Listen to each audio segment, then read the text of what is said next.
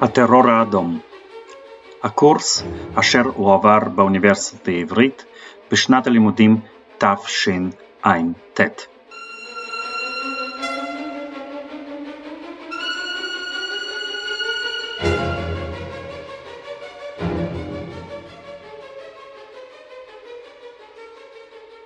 ערב טוב, אנחנו מתחילים את השיעור של היום. ואנחנו ממשיכים לתקופה הבאה. ואם בפעמים הקודמות אני התמקדתי בסיפורי האלימות והטרור פנימה בתוך המדינה, היום אני אדבר יותר על תוקפנות חוץ והמעשי האלימות שהיו uh, קשורים עם זה.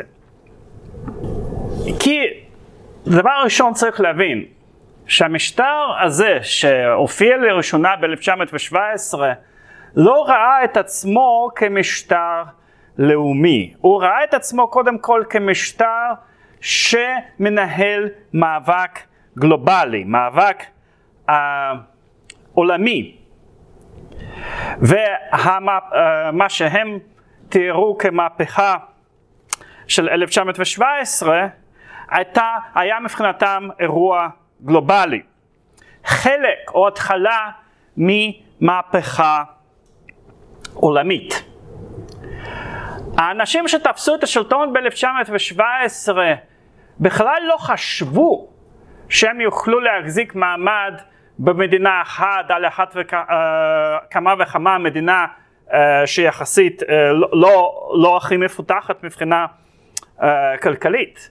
הם ראו את עצמם כסוג של כוח קדמי שתפס איזו אחיזה ומחכה עד שבמקומות המרכזיים, קודם כל בגרמניה, אבל גם באירופה כולה, מבחינתם אירופה כמובן הייתה מרכז העולם, תפרוץ אה, מהפכה.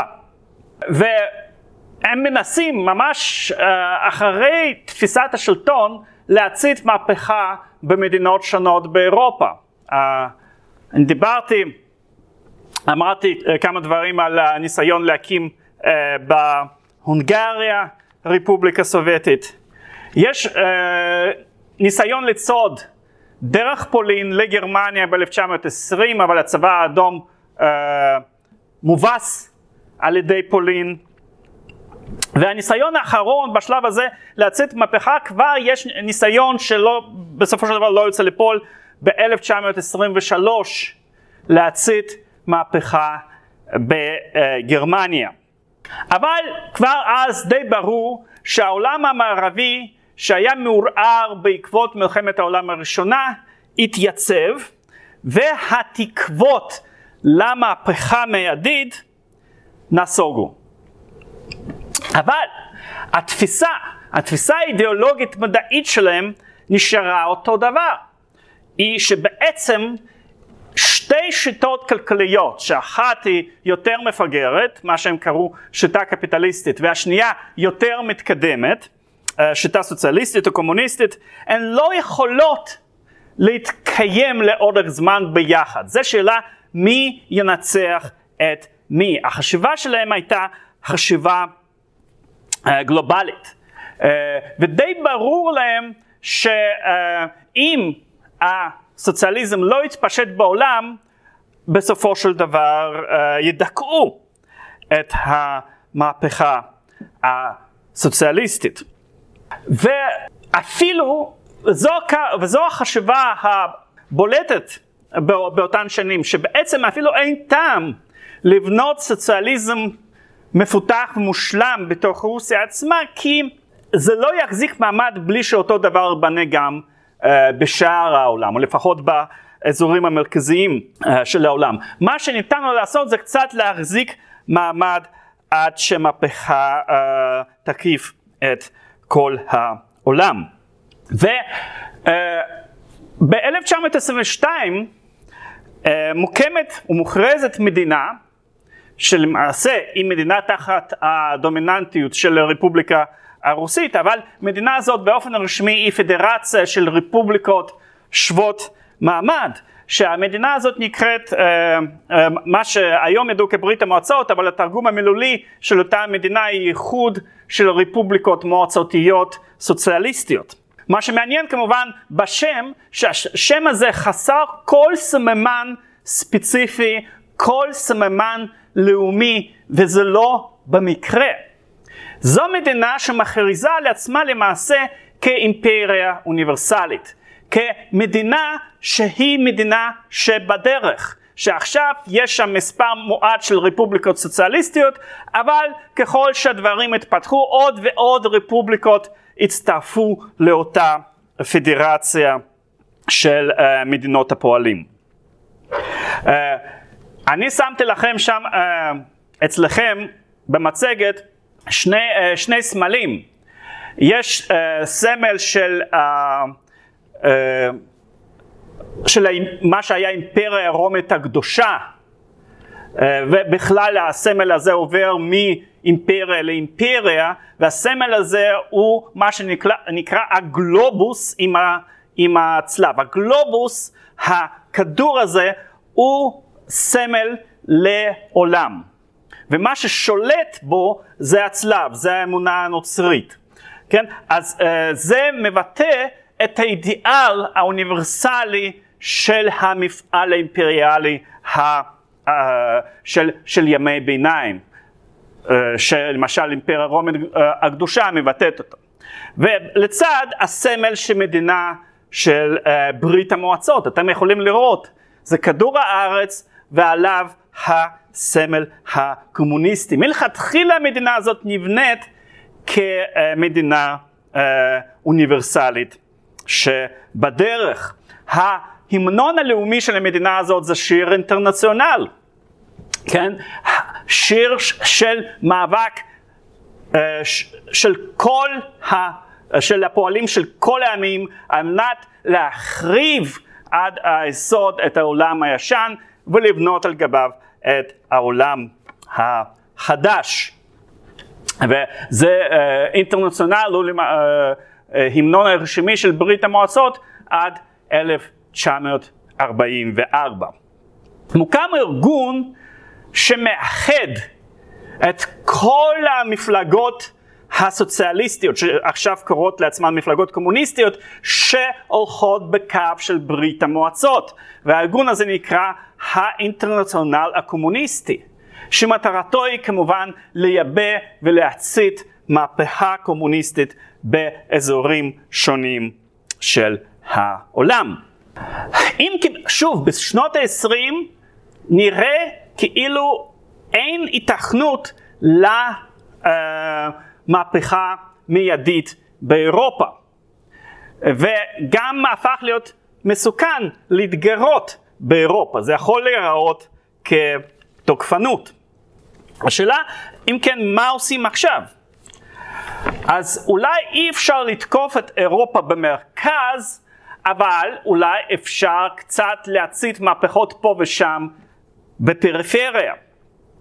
או לתמוך בכל כוח שמתנגד למדינות המערב.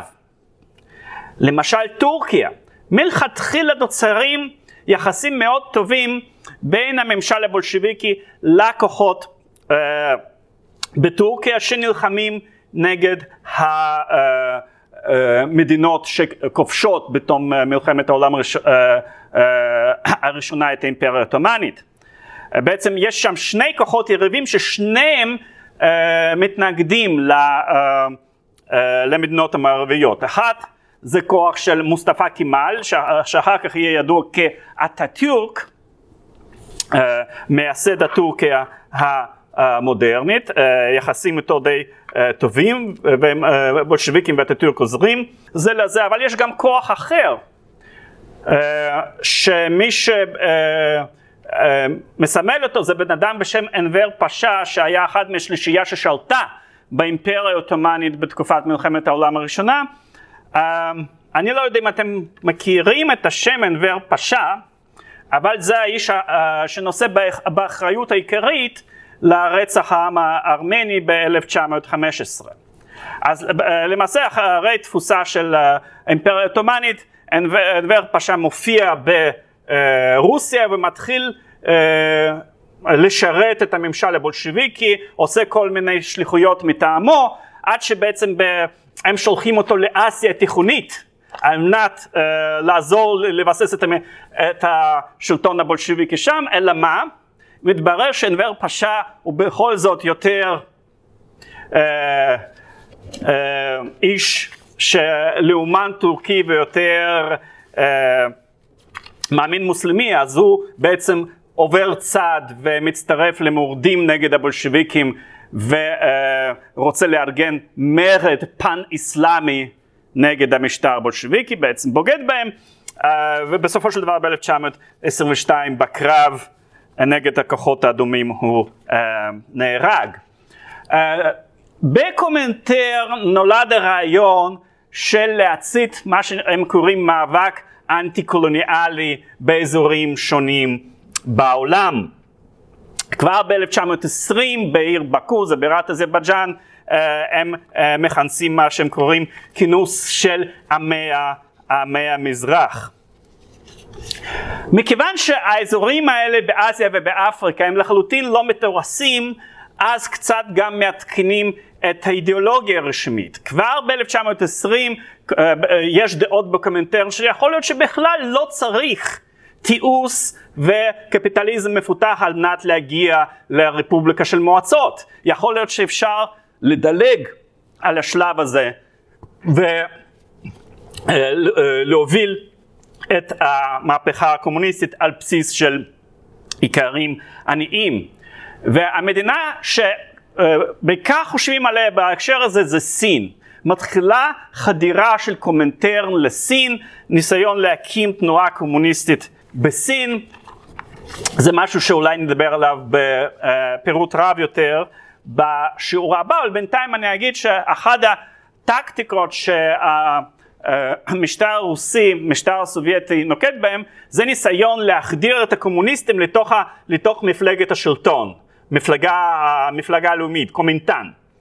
אבל הניסיון הזה לא עובד, כי ב-1927 השלטונות הסינים פשוט שוחטים את אותם קומוניסטים שחד, אה, שחדרו לשורות קומנטן ובעצם אה, זה קריסה בינתיים של תוכניות הסובייטיות למהפכה הקומוניסטית אה, בסין. אבל אז השאלה עולה בעצם מה לעשות. וסטלין הוגה רעיון שידוע כרעיון של בניית סוציאליזם במדינה אחת. עכשיו צריך, אה, לפעמים לא מבינים את המשמעות של הדבר הזה אה, בצורה מדויקת. הכוונה אה, התיאורטית כאן היא לא שלכל אזור, לכל מדינה תהיה שיטה משלה, ולנו, אנחנו נתק, נתקיים בנפרד כמדינה סוציאליסטית. כן, זה, זה בכלל לא הייתה חלק של חשיבה שלהם.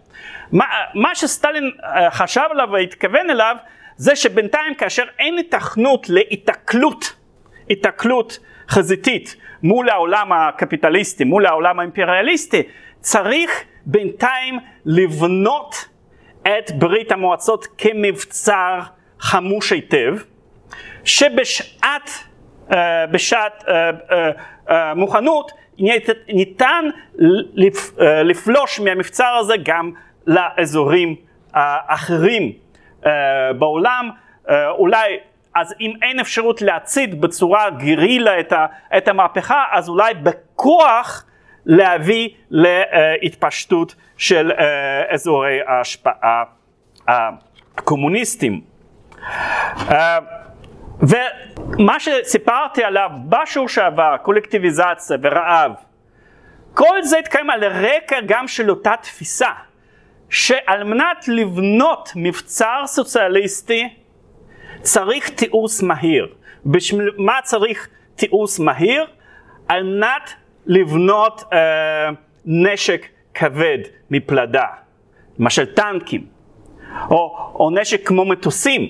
זאת אומרת, תיעוש, המטרה של תיעוש זה לא לייצר מוצרי צריכה בסיסיים, אבל בעיקר לפתח, uh, לפתח נשק. ובאמת, עד סוף שנות ה-30 uh, אה, ברית המועצות עולה בהרבה על כל מדינות אירופה, גם בכמות הטנקים שיש לה, גם בכמות המטוסים וגם ב, ב, בכוח האדם בצבא. אז, וזו מתוך הנחת עבודה שבינתיים יש איזושהי הפוגה, אבל התנגשות עם העולם הבולגני היא התנגשות בלתי נמנעת. ועכשיו אה, אני עובר לסיפור שלדעתי, אה, זאת אומרת זה עניין של העדפות של כל אחד ואחד, אבל לדעתי מהווה אולי את הפשע הכי נבזי של המשטר, להבדיל מהפשע הכי איום. כן, אה, אם, אם אתם תשאלו את דעתי, מה בתוך הסיפור הסטליניסטי, הקומוניסטי, מהו הפשע הכי איום, הייתי אומר שזה כמובן הסיפור של, של הרעב. אמנם האנשים מכירים יותר את הגולאג, או יותר את ההוצאות אה, המוניות להורג. אבל יש משהו מיוחד בסיפור של הרעב, וזה לא רק שדווקא כשאנחנו מסתכלים על מספרים, הסיפור הזה של הרעב של 32-33 זה סיפור, סיפור ש, שבמכה אחת נותן לנו את המספר הרב ביותר uh, של הקורבנות. Uh, אלא בעצם שהרעב זה, uh, זה סיטואציה שהכי מנוגדת והכי הרסנית לצלם האנוש. כן, גולאג, מחנות עבודה זה דבר נורא. אבל באיזשהו מובן יש עדיין סיכוי, לא לכולם, אבל יש סיכוי לשמור על צלם אנוש, לשמור, לשמור על כבוד אישי, כבוד אדם מינימלי, אפילו בתנאים של חיי המחנות. אתה גם יכול uh, להפגין גבורה, אתה אפילו יכול למרוד, להתנגד, להילחם, אתה יכול uh, ליצור קשרים אה, חבריים, לפחות עם כמה אנשים אה, אחרים. ואחר כך אתה גם יכול לספר את הסיפור, ויש המון סיפורים, אנשים שחזרו מהמחנות וסיפרו מה היה שם. מה שקורה ברעב זה מצב שפוגע uh, בצורה אנושה ביותר גם בכבוד העצמי של האדם. הוא כאילו מאבד בהדרגה את צלם האנוש, הוא גם מאבד כל הכוחות הפנימיים להתנגד, ולא בצורה, ולא בצורה פסיבית. Uh, זאת אומרת, בן אדם ש, שרעב מאוד, אין לו כוח להתנגד. וזה גם מביא לפעמים לדברים נוראים כמו uh, קניבליזם בתנאים של רעב. וגם את האפשרות של טינה, של תקווה לנקמה בעתיד, הוא, הוא לוקח ממך. כי אם נניח אתה נמצא במחנה, או אתה מול, אה, מול התליין שלך, אתה יכול להגיד, זה האויב שלי הספציפי, ואולי יש לי, יש לי תקווה אחר כך להתנקם בו. הרעב, אנחנו יודעים שהוא היה מאורגן, אבל אין כאילו מישהו ספציפי שאחראי. זה כאילו מכת הטבע. אז אפילו את הסיפוק האחרון של טינה ונקמה הרעב לוקח ממך. אז במובן הזה הרעב לדעתי, אם אנחנו צריכים לבחור מבחינה ערכית, מה הדבר הנורא בסיפור הזה, זה, זה הסיפור של הרעב. עכשיו, אבל אני עובר למשהו שאני קורא לו נבזי. באיזה מובן נבזי? נבזי זה ההפך מאצילי. תכונות שאנחנו חושבים עליהן כאצליות. הדברים שהם נחשבים כנבזיים הם לא בהכרח דברים הכי אה, מאיימים ודברים שהכי עקובים מדם. אבל באינטואיציות המוסריות של הציוויליזציה האנושית הם נתפסים כדברים שפוגעים אה, בצורה אנושה בנפש האדם. האצילות, ההתנהגות האצילית מבוססת על שמירת אמונים. בגידה זה חטא נורא. דנטה בקומדיה האלוהית שלו דווקא שם את הבוגדים למעגל התחתון הגרוע ביותר.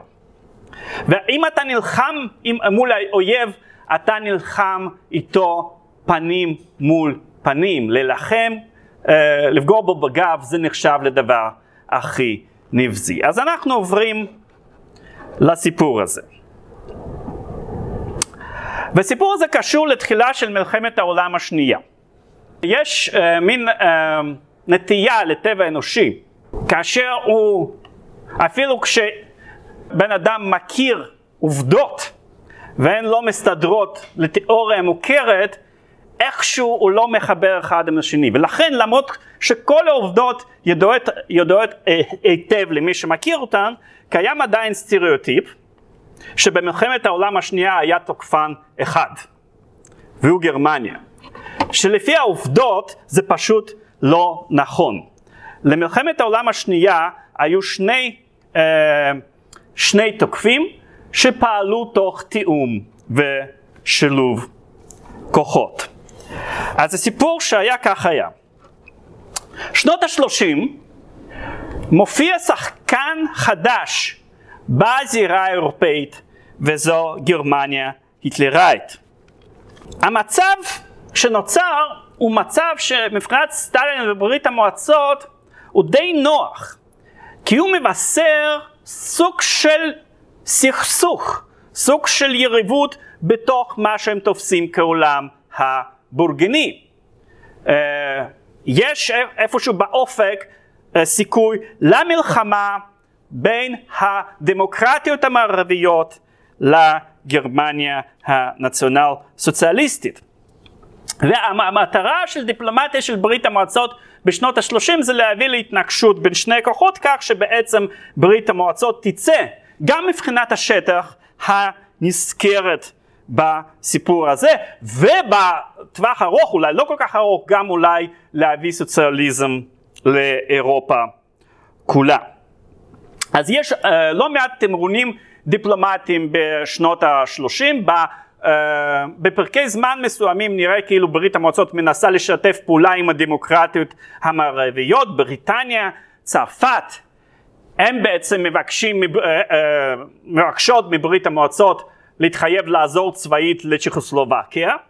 אם גרמניה תתקוף אותה, ברית המועצות אומרת כן בסדר, אבל אנחנו צריכים שפולין ורומניה ייתנו לצבא שלנו לעבור, זכות מעבר. כי אז, אז באותה תקופה אין גבול משותף בין ברית המועצות לצ'כוסלובקיה, ברור, אבל מה? פולין ורומניה מסרבות בתוקף, זאת אומרת, אנחנו יודעים מה קורה כשבולשביקים באים, בשום פנים ואופן. מה, שקורה אחר כך, נחתם הסכם מונכן. אז בשנת 39 יש איומים של גרמניה על פולין, ושוב יש ניסיון של דמוקרטיות מערביות להגיע להסכם אה, עזרה לפולין עם ברית המועצות, שוב ברית המועצות אומרת אוקיי, אנחנו נסכים לזה, אבל אה, אנחנו צריכים לעבור, אה, שיהיה לנו אישור להיכנס לשטח פולין. וגם מטבע הדברים גם מרמזים שברית המועצות כמובן רוצה יותר יותר אזורי השפעה במזרח אירופה. עכשיו, כבר כשברור באוגוסט שגרמניה כנראה הולכת לתקוף את פולין, פולין ברירה כאילו כבר מוכנה להסכים לסוג כזה של הסדר, אבל אז כבר מאוחר מדי.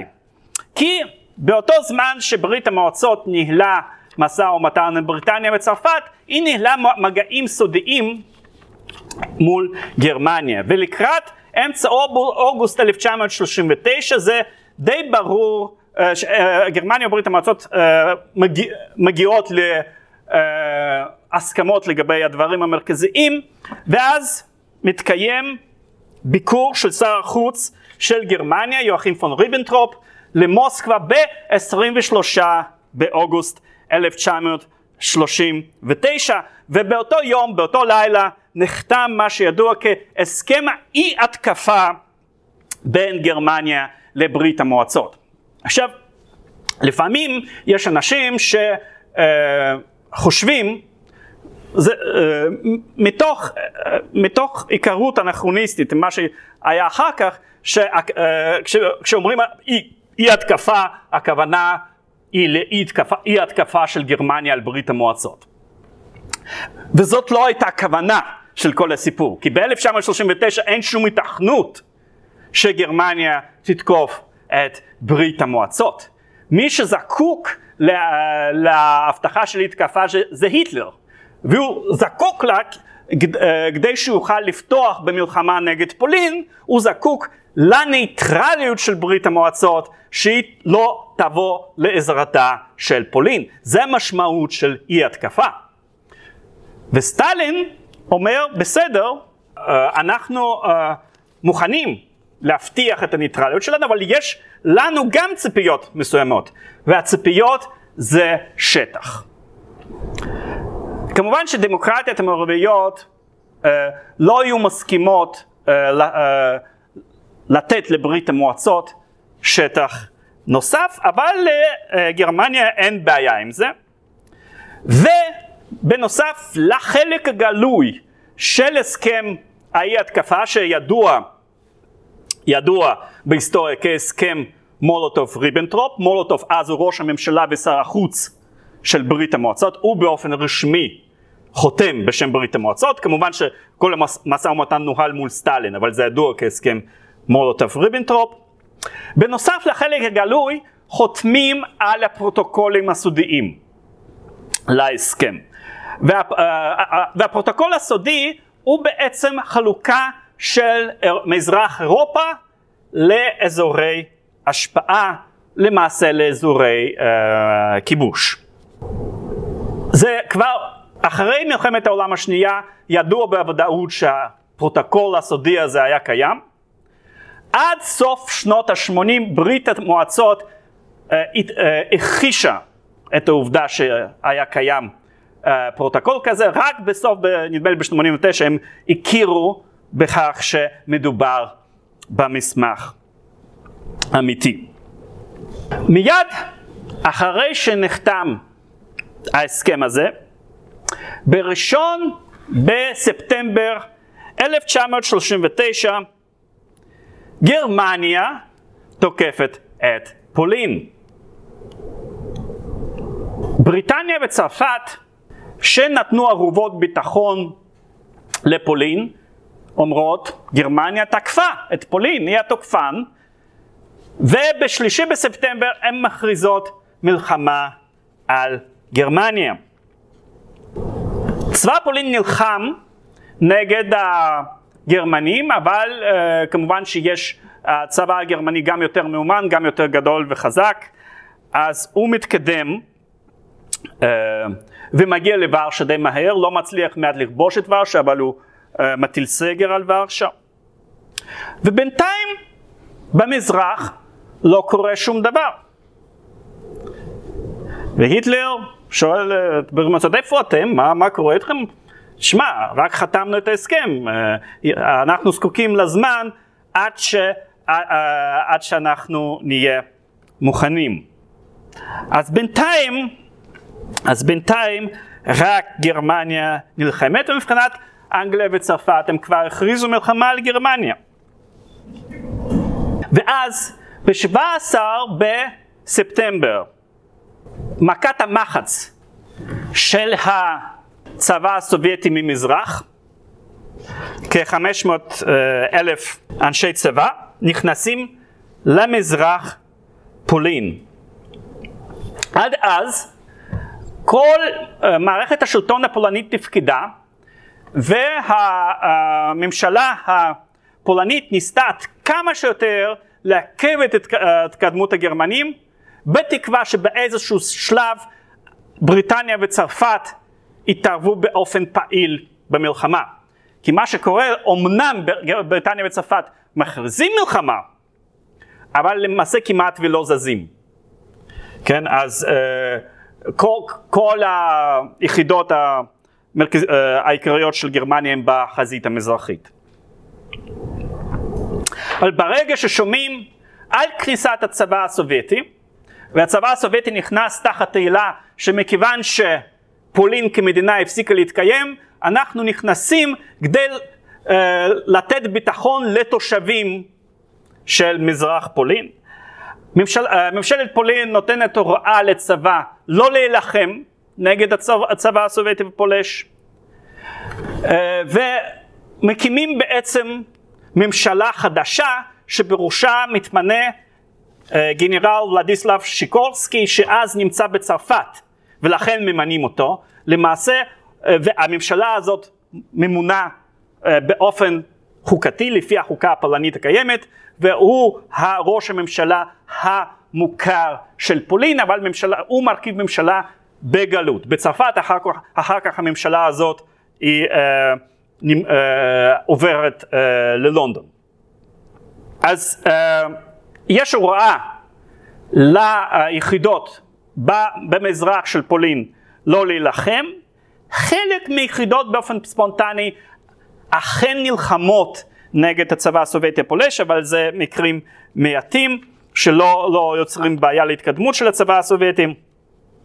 יש גם uh, מקרים מעטים שבהם הצבא הגרמני והסובייטי uh, משתפים פעולה בהעדפה של לקוחות הפולנים. ככה uh, או אחרת לקראת, כעבור כמה ימים הם פחות או יותר מתייצבים עם שינויים מסוימים, הצבא הגרמני והצבא הסובייטי מול, הש, מול הקו המפריד שהוסכם אפילו בעיר ברסט עורכים מצד צבאי משותף וב-28 בספטמבר 39 חותמים על הסכם חדש בין גרמניה לברית המועצות שאם ההסכם הקודם נקרא הסכם על אי התקפה ההסכם החדש הזה נקרא הסכם על uh, יד, uh, גבולות וידידות וראש הממשלה הסובייטי מולוטוב בנאום שלו אז אומר שאותו ייצור מכוער של הסכם ורסאי אה, פולין הפסיק אה, להתקיים. אז אם היה, אם היה מתישהו איזושהי אה, הדגמה מילולית של המושג לתקוע סכין בגב, אז זה, זה, זה היה אה, אה, אחד המקרים הבולטים. אוקיי, אז uh, פולין מחולקת חצי חצי. ב, uh, uh, באזור הכיבוש הסובייטי uh, מרבית, יש 43 אחוז הם אוכלוסייה פולנית, אבל מרבית האוכלוסייה הם מיעוטים, uh, בעיקר בלורוסים ואוקראינים. Uh, משטר כיבוש מתחיל מיד בעבודה, לפי רשימות באופן מסודר עוצרים את אנשי האליטה המקומית, אלה שמחויבים או למשטר או לפולין העצמאית או יכולים להוות איזושהי סכנה או אויבים מעמדיים, זאת אומרת כל מי שחשוד בזה, יש מצ, מצרים של אליטה, מיד עורכים אה, בחירות מדומות של אספות העממיות, אותן אספות מכריזות מיד על הקמת רפובליקות סוציאליסטיות של מערב אוקראינה ומערב בלרוס ומיד בנובמבר אותן רפובליקות מבקשות להצטרף בתורן לאוקראינה ולבלרוס ומיד כמובן אה, מס, אה, אותן רפובליקות מסכימות לעשות את זה. בקיצור אה, מתקיים, מתקיים סיפוח של אותו שטח אה, לברית אה, המועצות. אני עוד מעט אחזור לסיפור של פולין, יש שם הרבה דברים לספר, בינתיים אני קצת אעיר על אזורים אחרים ב, במזרח אירופה. מה שאחרי שינויים מסוימים, מה שעובר לאזור השפעה הסובייטי זה גם רפובליקות בלטיות. בהתחלה ליטא הייתה אמורה להיות באזור השפעה גרמני, אבל אחר כך הם שינו את זה ונתנו uh, לברית המועצות. כבר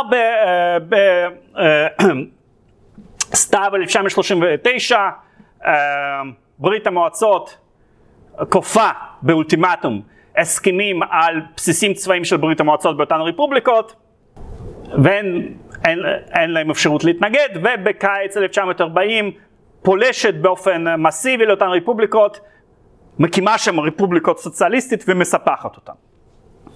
אותו דבר קורה בקיץ 1940 באזור, של, uh, באזור במזרח רומניה שנקרא בסרביה, הוא מסופח למולדובה.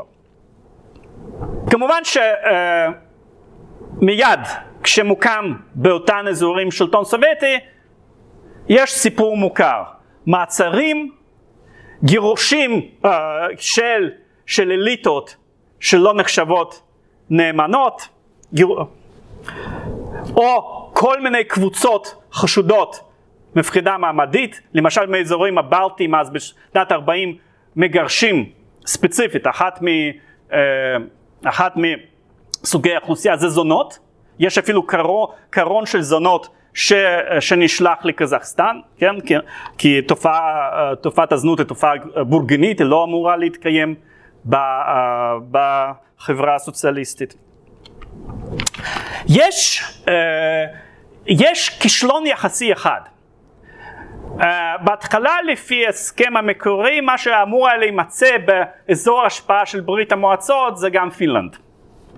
וגם מציבים אולטימטום, אולטימטום בפיל, לפינלנד בסתיו 1939 ופינלנד דוחה את האולטימטום. אז ברית המועצות תוקפת את אה, פינלנד ובהתחלה ללא, ללא הצלחה. אה, זה מה שידוע כמלחמת חורף 1939 1940, אבל בתחילת 1940 הם כן מצליחים לפרוץ את קו ההגנה של פינלנד, אבל מסיבות שכרגע אני לא אכנס לזה, הצבא הסובייטי עוצר וברית המועצות מסתפקת רק בסיפוח של שטח קטן של פינלנד. משהו עוד אולי על רפובליקות בלטיות. עכשיו מדובר, ואתם יכולים לראות במפה, במדינות קטנות מאוד שבשנות ה-30 מרגישות את עצמן דחוסות בין שתי מעצמות אימפריאליות. ותמיד כשמדובר במדינה קטנה, במצב כזה היא תמיד דילמה, מה היא תעשה? האם עדיף אולי להיצמד למעצמה האחת ולא למעצמה השנייה? ומה שמעניין על הרפובליקת הבלטיות, שהאווירה שם לא בהכרח הייתה אווירה אנטי סובייטית או אנטי רוסית באופן טוטאלי. דרך אגב, בתקופה של המהפכה הבולשביקית היו סימפטיות מאוד חזקות באותם אזורים כלפי, אה, אה, כלפי סוציאל דמוקרטים. ובאמצע שנות ה-20 כמעט והוקמה בליטא ממשלה פרו-סובייטית. אה, אז לא בהכרח האוכלוסייה וחוגים רחבים באותן הרפובליקות הייתה להם uh, דעה אנטי קומוניסטית אנטי סובייטית חד משמעית. אבל אתם יכולים לתאר לעצמכם מה שנה אחת תחת שלטון עם הפרקטיקות של דיכוי יכולה לעשות. רוח הדברים משתנה לחלוטין כאשר יש פלישה של גרמניה ב-1900. 41. אוקיי, אז נחזור לעניין הפולני. שיהיה ברור, ב-1939 ברית המועצות מנהלת מלחמה נגד פולין בשילוב עם גרמניה. זה לא מוצא אה, אה, אה, ביטוי בקרבות כי פשוט רוב הצבא הפולני לא מתנגד. אבל חיילי צבא פולין נופלים בשבי ומועברים למחנות שבויים. די מהר רוב החיילים משוחררים. מי שנשאר uh, במחנות שבויים זה הקצינים, כ-14,500 uh, קצינים פולנים. וכאשר אומרים קצינים צריך להבין שלא מדובר uh, uh, שבעיקר לא מדובר בקציני צבא uh, קבע. רוב האנשים האלה היו קצינים במילואים שגויסו uh, בעת המלחמה לצבא. Uh, היו ביניהם אנשי אינטליגנציה פולנית, אנשי מקצוע, uh, מהנדסים, מורים, אפילו אנשי דת, כי לכל דת היו אנשי דת כמו הרב הצבאי, כן, בצבא. אז כל אותם אנשים נמצאים במחנות השבויים ומולכים די הרחק מאזור פולין, הם מועברים יותר עמוק לתוך שטח רוסיה. ואז בהתחלה לא כל כך uh, עדיין לא, לא יודעים מה יעשו איתם, אבל אז במרץ 1940 מתקבלת החלטה על פי הצעה רשמית של מי שעומד בראש NKVD, לאברן טיבריה, פשוט להוציא את כולם להורג. זה כמובן הצעה שלו, אבל כמובן שמי שעומד מאחורי ההצעה הזאת זה uh, סטלין. ומחליטים להוציא להורג את כל ה... או כמעט את כל הקצינים האלה, פלוס עוד כשבעת אלפים אנשי אליטה פולנית שנעצרו בש... בשטח מזרח פולין ונמצאים אז בכלא ומחליטים על מבצע סודי אה, של חיסול של אותם אנשים. אה, ובמהלך אפריל-מאי 1940 הם מוצאים להורג, גופות שלהם נקברים באתרים בעיקר של NKVD ומי שהיה מעורב במבצע כמובן מקבל אותות למופת על הצלחת המבצע ועל זה שאף אחד בעצם לא הצליח לברוח. אבל אז אף אחד לא יודע שזה קרה, כן? זה הכל סודי. בסך הכל הוצאו להורג בערך 22 אלף בני אדם. עדיין אנחנו לא יודעים מה היו מוטיבציות של המעשה הזה. כן לסטלין הייתה טראומה מפולין ואולי יותר חזקה מטראומה uh, מאוקראינה. ב-1920 פולין הייתה מדינה שהצליחה להביס את הצבא האדום. אגב, שאז בתוך ההנהגה הבולשיביקית האשימו את סטלין בכישלון הזה, כי הוא לא, uh, לא שלח בזמן uh, כוחות צבא נוספים. זה כמעט עלה לו בקריירה. אנחנו יודעים שהמיעוט הפולני היה האתני נרדף בצורה אכזרית מאוד בתוך ברית המועצות בשנת 37-38. ובכלל, אה, בדמיון של הקומוניסטים שנות ה-20, שנות ה-30, אה, פולין כמעט, בסך הכל מדינה יחסית קטנה, נתפסה כ, כמעצמה עוינת, גדולה. היה, אה, היה להם איזשהו קטע עם פולין. ושנאה, במובן מסוים, לשנאה לתנועה הלאומית הפולנית. למרות שכמובן בקרב הבולשביקים היו פולנים אתניים, לא מעטים. יש כל מיני תיאוריות אחרות. Uh, יש תיאוריה למשל שאומרת שברור על סטלין שבאיזשהו שלב הוא נכנס למלחמה, אבל הוא עדיין לא בחר באיזה עיתוי ובאיזה צד.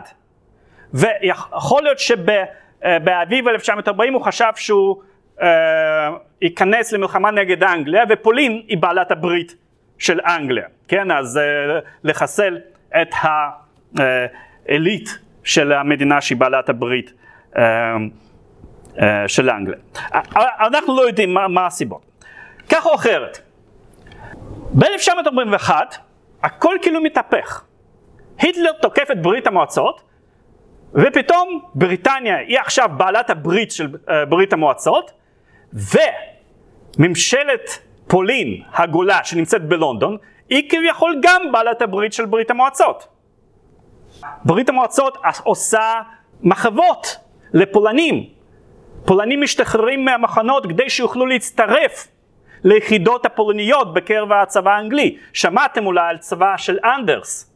מנחם בגין שוחרר ב, ב, uh, במהלך uh, אותו מהלך של שחרור הפולנים כדי שייסעו להצטרף לצבא אנדרס, כמובן בגין וציונים אחרים לא עושים את זה, אבל ותוך תיאום זה לא, לא מקרה, אבל uh, uh, נוסעים לארץ ישראל, כן.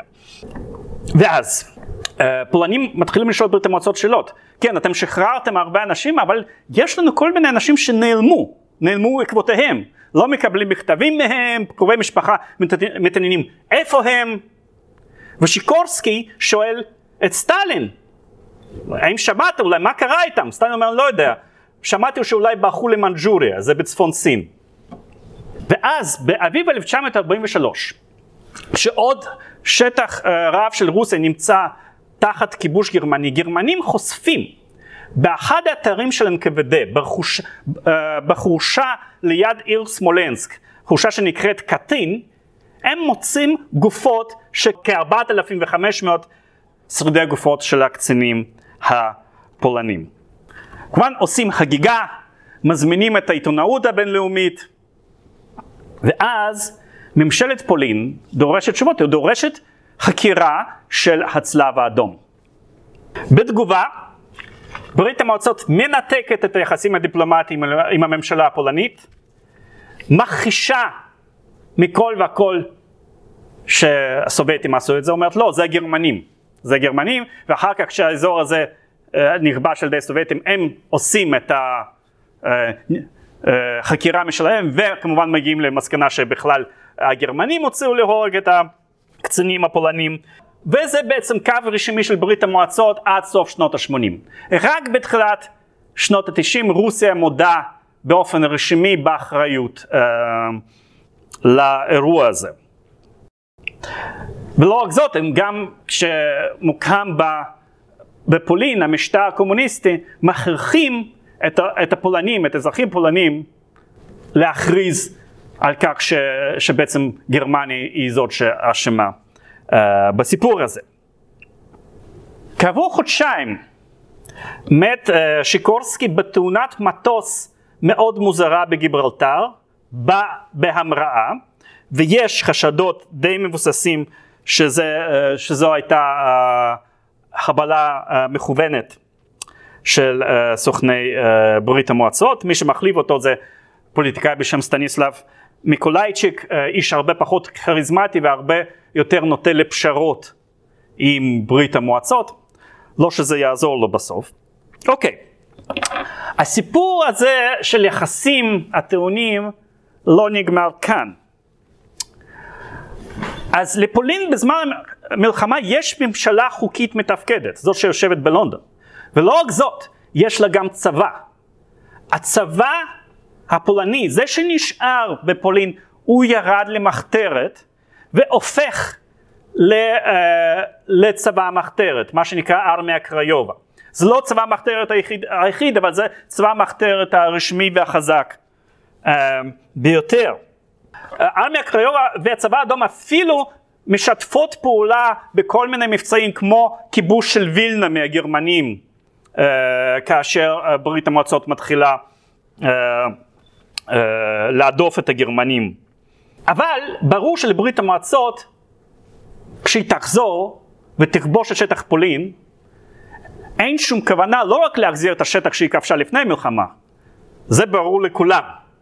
אם כי ברית המועצות מוכנה לפצות את פולין מערבה, אוקיי, אומרת, אנחנו לקחנו את השטח המזרחי, אבל אנחנו ניתן לכם קצת שטחים מגרמניה, שלא אה, לא, לא תחשבו שאנחנו לא דואגים לכם. אבל די ברור שהם לא רוצים שום אה, אה, ממשלה לאומית עצמאית, הם רוצים לשים בראש פולין את השלטון הקומוניסטי. יש להם קצת קושי למצוא את הקומוניסטים הפולנים כי את כולם שחיו בברית המועצות בשנות ה-30 הם הוציאו להורג ואפילו פיזרו את המפלגה הקומוניסטית הפולנית כי לא היה אף אחד, כולם הוצאו להורג ממנהיגי הקומוניסטים הפולנים, אבל מוצאים פה ושם, במיוחד כשכובשים אה, שטחים של פולין, אז מוצאים פה ושם איזשהו קומוניסט במחתרת, רוצים להקים ממשלה פולנית, ואז פולנים שעדיין לא נמצאים, לא, לא בשטח הכיבוש הסובייטי, הם uh, רוצים, רוצים להקים איזשהו כוח לאומי uh, לגיטימי, שלטוני, שיפגוש את הצבא הסובייטי המתקרב. ואז uh, צבא מתקרב לוורשה בקיץ 1944, יש סימנים שצבא גרמני מתארגן ומתכוון לסגת, ואז ארמיה קריובה uh, מתחילה מרד צבאי בוורשה נגד, נגד גרמניה. זה מרד שמתחיל באחד, בראשון באוגוסט 1944. הצבא הסובייטי נמצא מעבר לנהר ויסלה, ממש לצד ורשה. הקרבות ממשיכים חודשיים, שבמהלך הקרבות, הקרבות האלה נהרס 80% מהמרכז ההיסטורי של ורשה. הכוחות המורדים נכנעים בשני באוקטובר 1944. במהלך התקופה הזאת אף חייל סובייטי לא זז לעזור למורדים בוורשה.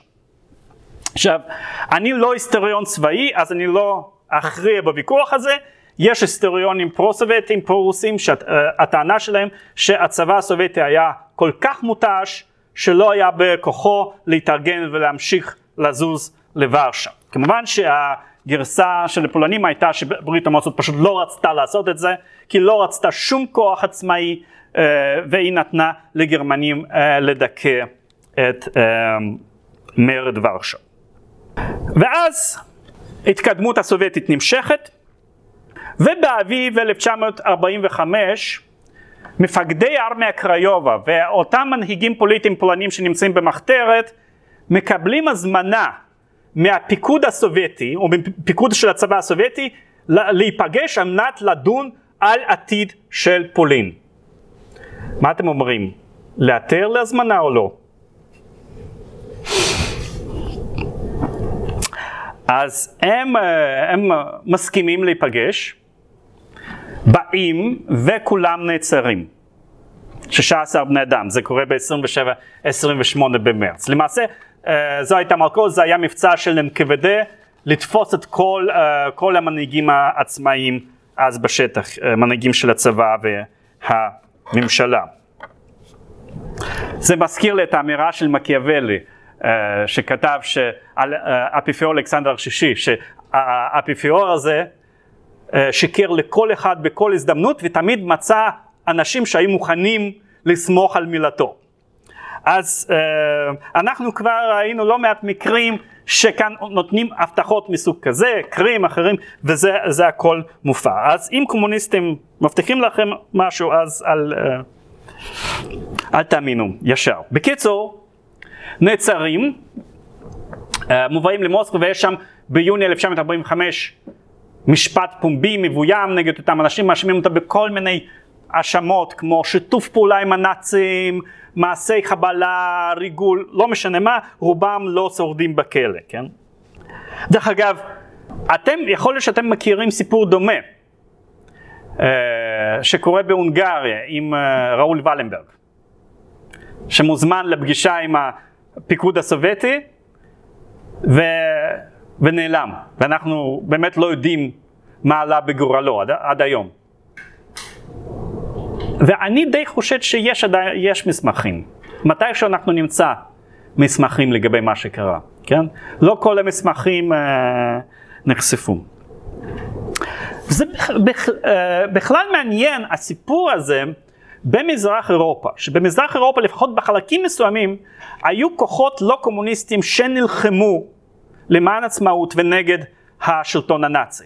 כמובן שפולין זה, אה, זה, אה, זה מקרה הכי אה, מרכזי, כי שם בכלל לא היה שום שיתוף כמעט של אליטה הפולנית עם הכיבוש הגרמני, אבל היו סיפורים אחרים, למשל יוגוסלביה.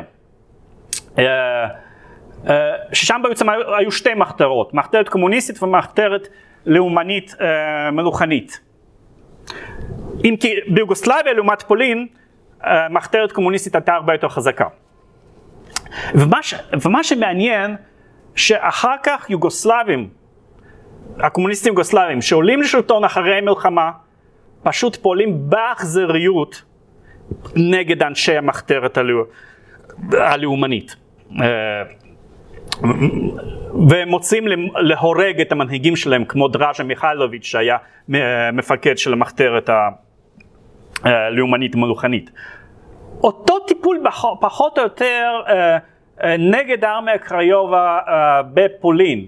לא לוקחים בחשבון שבמובן מסוים היו גם הצבא הסובייטי וגם המחתרת הלאומית הם נלחמו נגד הנאצים. מפילים עליהם כל מיני האשמות צועדים, אה, אה, צדים אותם ביערות, מוציאים להורג, עוצרים וכולי, אין, אין, שום, אין שום התחשבות בדבר הזה, כן?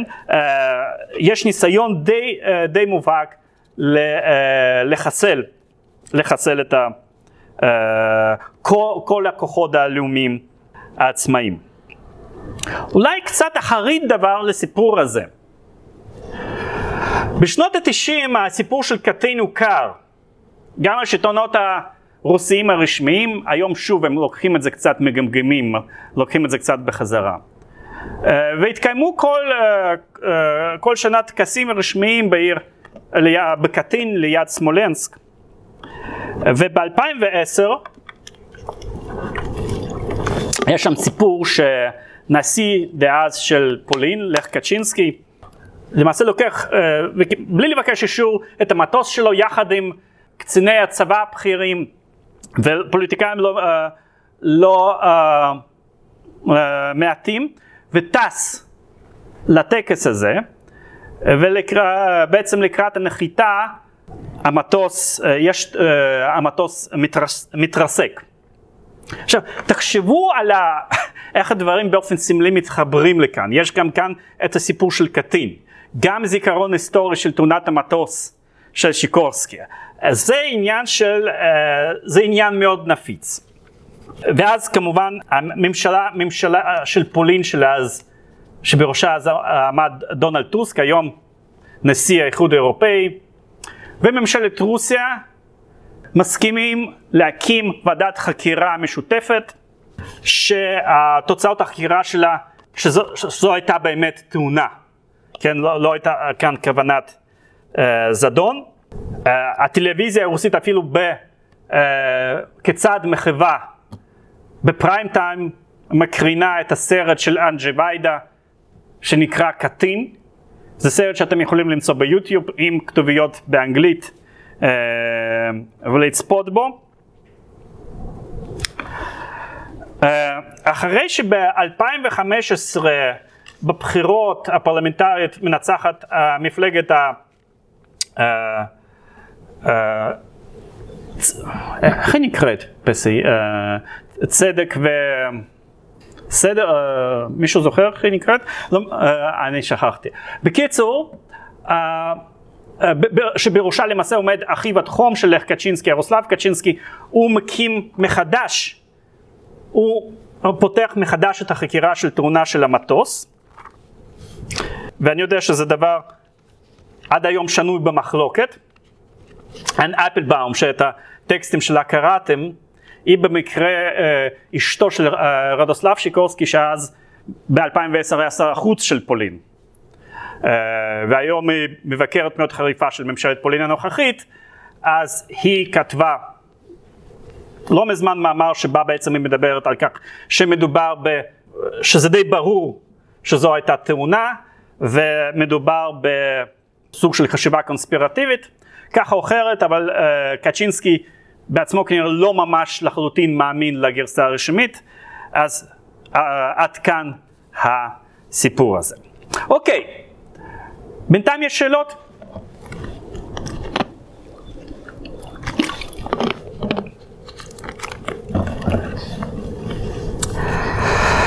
Um, אז ב-1945 ברית המועצות כובשת את האירופה המזרחית, כולה חוץ מיוון, ומדובר בחברות יחסית מפותחות, והחברות עם מסורת פלורליסטית, לא תמיד דמוקרטית. אבל אפילו אלה שהיו מדינות אוטוריטריות לפני אה, מלחמה היו בדרך כלל לרוב אה, מדינות אה, אוטוריטריות רכות, שהשאירו מקום פלורליזם חברתי אה, ופוליטי. ומטרה היא כמובן לבלוע את האזורים האלה ולהביא אותם למצב שיתקרבו עד כמה שיותר לדגם הסובייטי. אם כי לפעמים אה, תוך זהירות. למה זהירות? כי בכל זאת כרגע ברית המועצות היא עדיין בעלת הברית של דמוקרטיות מערביות, ארה"ב, בריטניה, והמדינות האלה איכשהו, ללא הצלחה מרובה, מנסות אה, להשפיע על מדיניות של ברית המועצות אה, באותן מדינות מזרח אירופה. אז במובנים מסוימים נש... ברית המועצות משאירה חזות של מרכיבים של כאילו דמוקרטיה או כאילו חברה פתוחה באזורים האלה. היא מגדירה קודם כל את המדינות האלה לא כ... מדיניות סוציאליסטיות, אם כי זה יבוא, אלא בשלב הראשון כדמוקרטיות עממיות. היא לא ישר מבטלת את המפלגות האחרות, אבל כמובן עומדת על כך שבכל קואליציה תהיינה מפלגות קומוניסטיות והמפלגות הקומוניסטיות תשלוטנה ב, uh, במשרדים שאמונים על כוחות הביטחון. זה מעניין שבהרבה אזורים באירופה, uh, בשנת 45-46, בקואליציות נמצאות מפלגות קומוניסטיות. צ'כוסלובקיה, הונגריה, איטליה וצרפת. צ'כוסלובקיה והונגריה הופכות למדינות קומוניסטיות לכל דבר, צרפת ואיטליה לא. מה ההבדל? יש רק הבדל אחד. במקום אחד היה נמצא צבא סובייטי, במקום אחר לא היה צבא סובייטי, היו צבאות של אה, בעלות הברית. אבל די מהר כל, ה, כל המשחק הזה אה, אה, נפסק. יש גם מקרים שבהם למשל במזרח גרמניה, שליט של מזרח גרמניה, אה, קומוניסט סטליניסטי בשם ולטר אולבריכט, מכריז על כך שהוא בונה במזרח גרמניה דיקטטורה של הפרולטריון. וזאת דרך אגב תהיה המדינה הראשונה במזרח אירופה ששם אה, יפרוץ מרד נגד השלטון הקומוניסטי כבר בשנת 1953. בחלק מהמדינות האלה די מהר מוקמת מערכת חד מפלגתית. בחלק, כמו פולין ומזרח גרמניה, משאירים מפלגות אחרות, אבל זה למעשה אה, משחק מכור. אין בחירות תחרותיות, פשוט נותנים מכסה של מקומות בפרלמנט ש, אה, ששייכת לאותן מפלגות והן לחלוטין מצייתות להוראות של השלטון הקומוניסטי. זה מצחיק, יש, אה, יש פרוטוקולים של שיחה של סטלין עם מנהיגי, מנהיגי מפלגה קומוניסטית במזרח גרמניה, שהוא, שהוא אומר אה, שצריך להקים שם גם מפלגה עבור, עבור הנציונל סוציאליסטים מהשורה. שכדי uh, שהם uh, כבר זנחו את העניין הזה, הם רק רוצים לשרוד, איכשהו צריך לארגן אותה, בואו נארגן איזושהי מפלגה, מפלגה שנקרא לה מפלגה נציונל דמוקרטית. ואז uh, אותם קומוניסטים גרמנים הם די המומים, ואומרים איך, איך זה אפשר, הם נאצים, הם, אומר אל תדאגו, אנחנו נשים שם בראש המפלגה הזאת איזשהו קומוניסט, בן אדם משלנו, הוא, הוא, הוא יפקח עליהם. Uh, שהם לא, גם לא יברחו למערב גרמניה, שישארו, שישארו איתנו, ניתן להם גם, ניתן להם עיתון משלהם, ובאמת מקימים, מקימים מפלגה שנקראת מפלגה אה, נציונל דמוקרטית. אבל למעשה מיד, אפילו לפני שבאופן רשמי מוקמות מדינות סוציאליסטיות אה, ושיטות חד מפלגתיות, הטרור כבר מתחיל באותן מדינות מזרח אירופה, יש אה, נוכחות של הצבא הסובייטי, יש, נוכחות, אה, יש שליטה של קומוניסטים בכוחות הביטחון, ואני אה, לא ארחיב על זה כי דברים האלה הם אותם דברים כבר אה, שאנחנו מכירים, אה, אבל אולי כמה נקודות מעניינות. אחת, ה, אחת הטקטיקות, אחת התפיסות של איך לעשות טרור בחברות שהן יחסית פתוחות, היא שיטת הסלאמי. שיטת הסלאמי פירושה שמטפלים בכל מגזר עוין אחד לאחד, כדי לא ליצור התנגדות מסיבית. אז נניח היו אנשים שאפשר להאשים אותה בשיתוף פעולה זה או אחר עם גרמניה, אז מטפלים קודם בהם, שימו אותם, אז עוברים לכל מיני כוחות עצמאיים מסוג זה או אחר. שימו איתם, אז לפעמים גם עוברים לאנשים בתוך המפלגה הקומוניסטית עצמם. יש חברות שבהן זה עובר יחסית בלי הרבה, בלי הרבה ביקורת מבחוץ, למה? כי באות, באותן מדינות אכן היה, הן, היו משתפות פעולות עם גרמניה הנאצית. אז קל מאוד להאשים כמעט כל כוח עצמאי בזה שאיכשהו קשור לסיפור הזה. למשל בהונגריה. הונגריה הייתה בעלת הברית של גרמניה בזמן המלחמה, היא לא הייתה מדינה נאצית עד, ל, עד, עד לסוף אה, 44, אבל הייתה בעלת ברית, וזה מאפשר טרור די מסיבי. Uh, האוכלוסייה של הונגריה היא כמעט, uh, היא בערך תשעה מיליון של בני אדם, אז מתוכם 600 uh, אלפים נמצאים, מובאים, מגורשים למחנות הריכוז בתוך ברית המועצות. ועוד 100 אלף בני אדם נמצאים בתוך בתוך בתי כלא, מחנות ריכוז בתוך הונגריה עצמה. זה גם מאפשר בעצם לדכא את כל הכוחות העצמאיים. כי כל הכוחות הפוליטיים עצמאיים איכשהו זיהמו את עצמם בזמן מלחמה שהם היו משות... מוסדות העצמאיים של המדינה. היו משתפים פעולה גם עם גרמניה שהייתה בעלת ברית.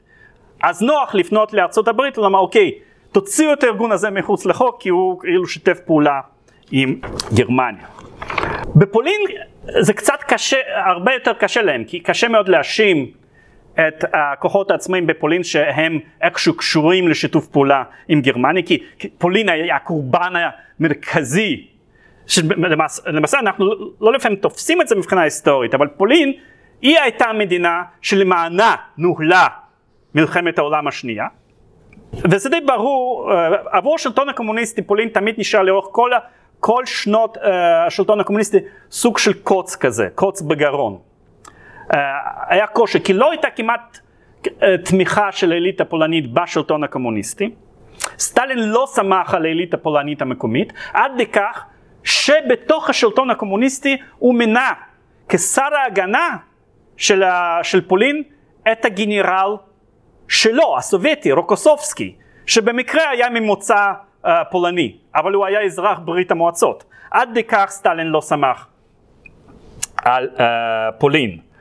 זה מעניין שבראש בראש המפלגה הקומוניסטית הפולנית uh, וגם uh, בתוך שירותי ביטחון שלה סטלין שם הרבה מאוד יהודים.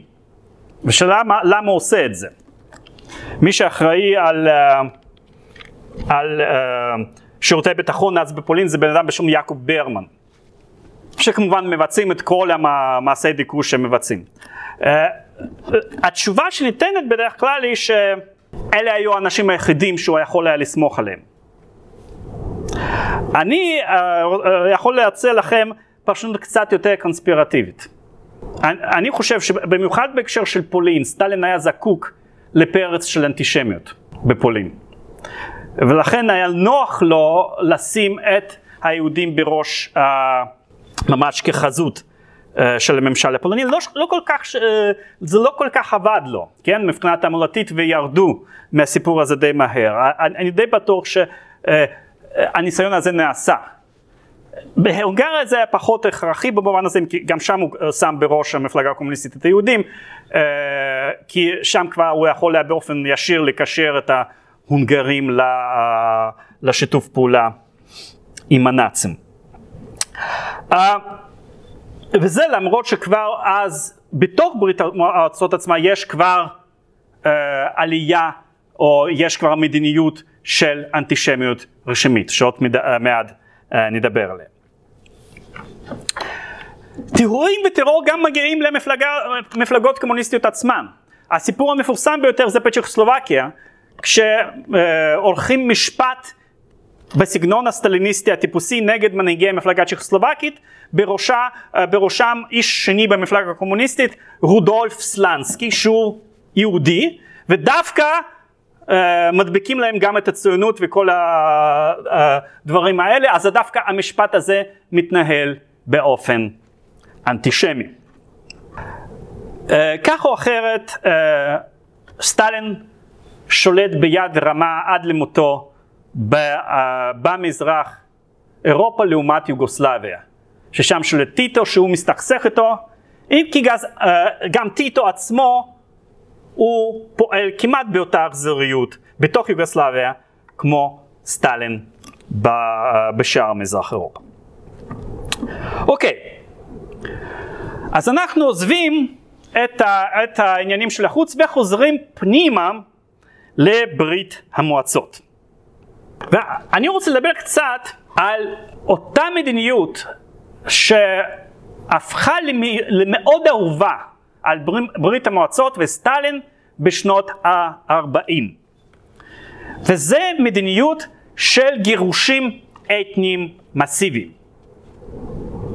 בתקופה הזאת אולי אנחנו רואים קצת פחות הוצאות להורג מסגנון של שנות ה-30, אם כי יש, אבל אנחנו כן רואים פריחה בכמות האסירים במחנות וגירושים של בני אדם.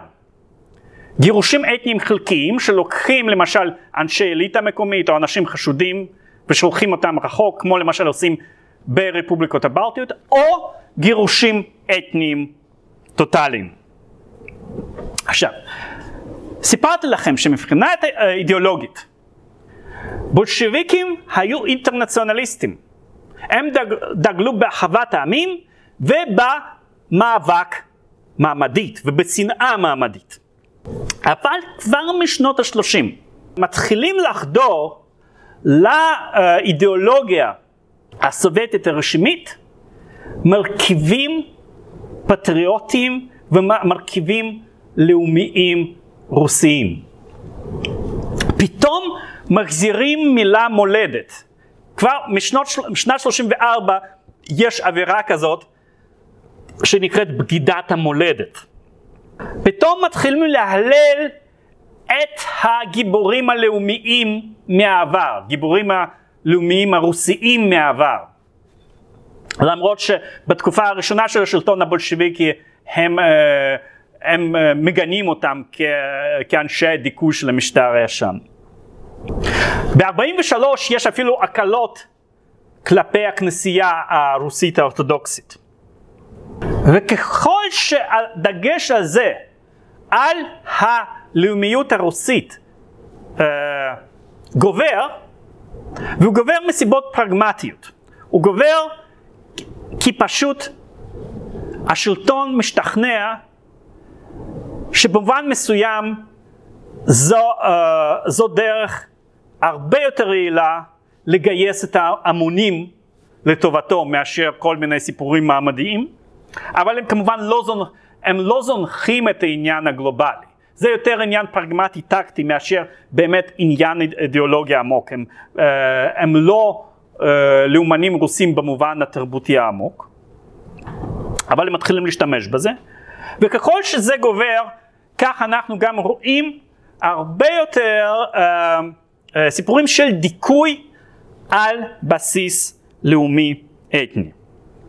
המקרה הראשון אולי הוא מקרה של קוריאנים, שבאמצע שנות ה-30 מגורשים מאיפה שהם חיים ב, uh, במזרח הרחוק. יש מתח גובר מול יפן, אז כאילו קוריאנים הם חשודים, מי יודע, אולי הם יעזרו לאויב, אז, uh, אז מגרשים אותם משם. אבל כמובן שיא של גירושים אתניים זה שנות ה-40. אחד הסיפורים המפורסמים זה כמובן סיפור של גרמנים. ברגע שגרמניה תוקפת ב-1941 את ברית המועצות, עכשיו בברית המועצות חיים גרמנים אתניים. הגרמנים האתניים האלה גרים שם מזמן, ממאה ה-18. הם הוזמנו לשם עוד על ידי קטרינה השנייה. יש אוטונומיה של גרמנים באזור נהר וולגה, שם הם בעיקר מאבדים אדמה, הם עיקרים. ואז מתקבלת החלטה לגרש את כל האוכלוסייה הגרמנית, אה, בעיקר לקזחסטן. בערך, בסך הכל גורשו בערך 850 מיליון גרמנים אתניים מתוך אה, מיליון ומאתיים אלף. מתקבל החלטה שמסבירה מדוע מדוע מגרשים אותם? אומרים להם ככה, התקבל המידע שיש בקרבכם הרבה מאוד סוכנים וטרוריסטים שאמורים לעשות פעולות חבלה מטעם גרמניה. שקר דרך אגב. אם זה יקרה, נצטרך לדכא אתכם, לעשות מעשי טרור וכולי. על מנת להגן עליכם מפני המעש, אה, מעשי הנקם האלה, אנחנו החלטנו להעביר אתכם בשלום למקומות מרוחקים. מבטלים את האוטונומיה של גרמנים, מעבירים אותם בקרונות, מיישבים אותם באזורים מרוחקים, אה, מרוחקים. אם, אם כי בזמן המלחמה את הגברים לוקחים למה שנקרא צבא העבודה. מה זה אומר? הם לא חיים עם המשפחות שלהם, הם חיים בתוך הצריפים, כאילו מחנות, זה למעשה מחנות עבודה בשם אחר. עכשיו, יש גרמנים אתניים בצבא, אבל ברגע שהם משתחררים, גם הם מצטרפים למשפחות שלהם, למשפחות המגורשות שלהם. וזה קורה גם עם אה, אה, לאומים אה, אתניים אה, של אותן מדינות שאיתם אה, אה, ברית המועצות מנהלת מלחמה, איטלקים, פינים. ב-1943 בערך ברית המועצות מתחילה להדוף את הגרמנים ולשחרר יותר ויותר שטחים של ברית המועצות. ואז בא השלב הבא של הגירושים, של אותם עמים שסטלין האשים אותם וחשד בהם שהם שיתפו פעולה עם הגרמנים. לגבי חלקן זה היה נכון במידה מסוימת כי האוכלוסייה המקומית כן אהדה את הגרמנים וחלקים גם שיתפו, uh, שיתפו פעולה. לא כולם כמובן, מכל הימים האלה היו לא מעט אנשים שנלחמו נגד הגרמנים גם בשורות הצבא הסובייטי וחלקם בכלל לא היו באזור של כיבוש גרמנים. כן, צ'צ'נים ואינגושים, גרמנים לא הגיעו לשם. אבל האשימו אותם גם באהדה לגרמנים. ואז יש גירושים טוטאליים של אוכלוסייה, אה, של עמים בעיקר באזור קווקז. אז ב-1943-44 מגורשים כל הקרצ'אים, 70 אלף בני אדם. כל הקלמיקים, 93 אלף בני אדם. כל הצ'ינצ'נים וכל האינגושים, כמעט 500 אלף בני אדם. בלקרים, עם בקווקז, 38 אלף בני אדם. ובאזור קרים, הטטרים של קרים, האוכלוסייה הילידית של קרים, 182 מיליון. זאת אומרת, איכשהו תמיד קרים יש לנו תמיד משהו שקורה מס... אה, אה, באזור קרים מסוג כזה, אזור קצת מחושב. אם כי שם בקרים אה, מגרשים לא רק את הטטרים, אלא משום מה גם את המיעוטים האחרים. יוונים, בולגרים, טורקים, במקומם מביאים uh, את האוכלוסייה הרוסית, האוכלוסייה האוקראינית, שלמען אותה אוכלוסייה רוסית, קרים היום מסופח לפי טענת רוסיה, לרוסיה. אותן שיטות פחות או יותר. יש מבצע, דמוי צבאי, מגיע צבא וכוחות NKVD, מגיעים לכל הכפרים, לבתים, אומרים לאנשים תוך זמן מאוד קצר לאסוף את הדברים, מעלים אותם לרכבות ושולחים אותם רחוק.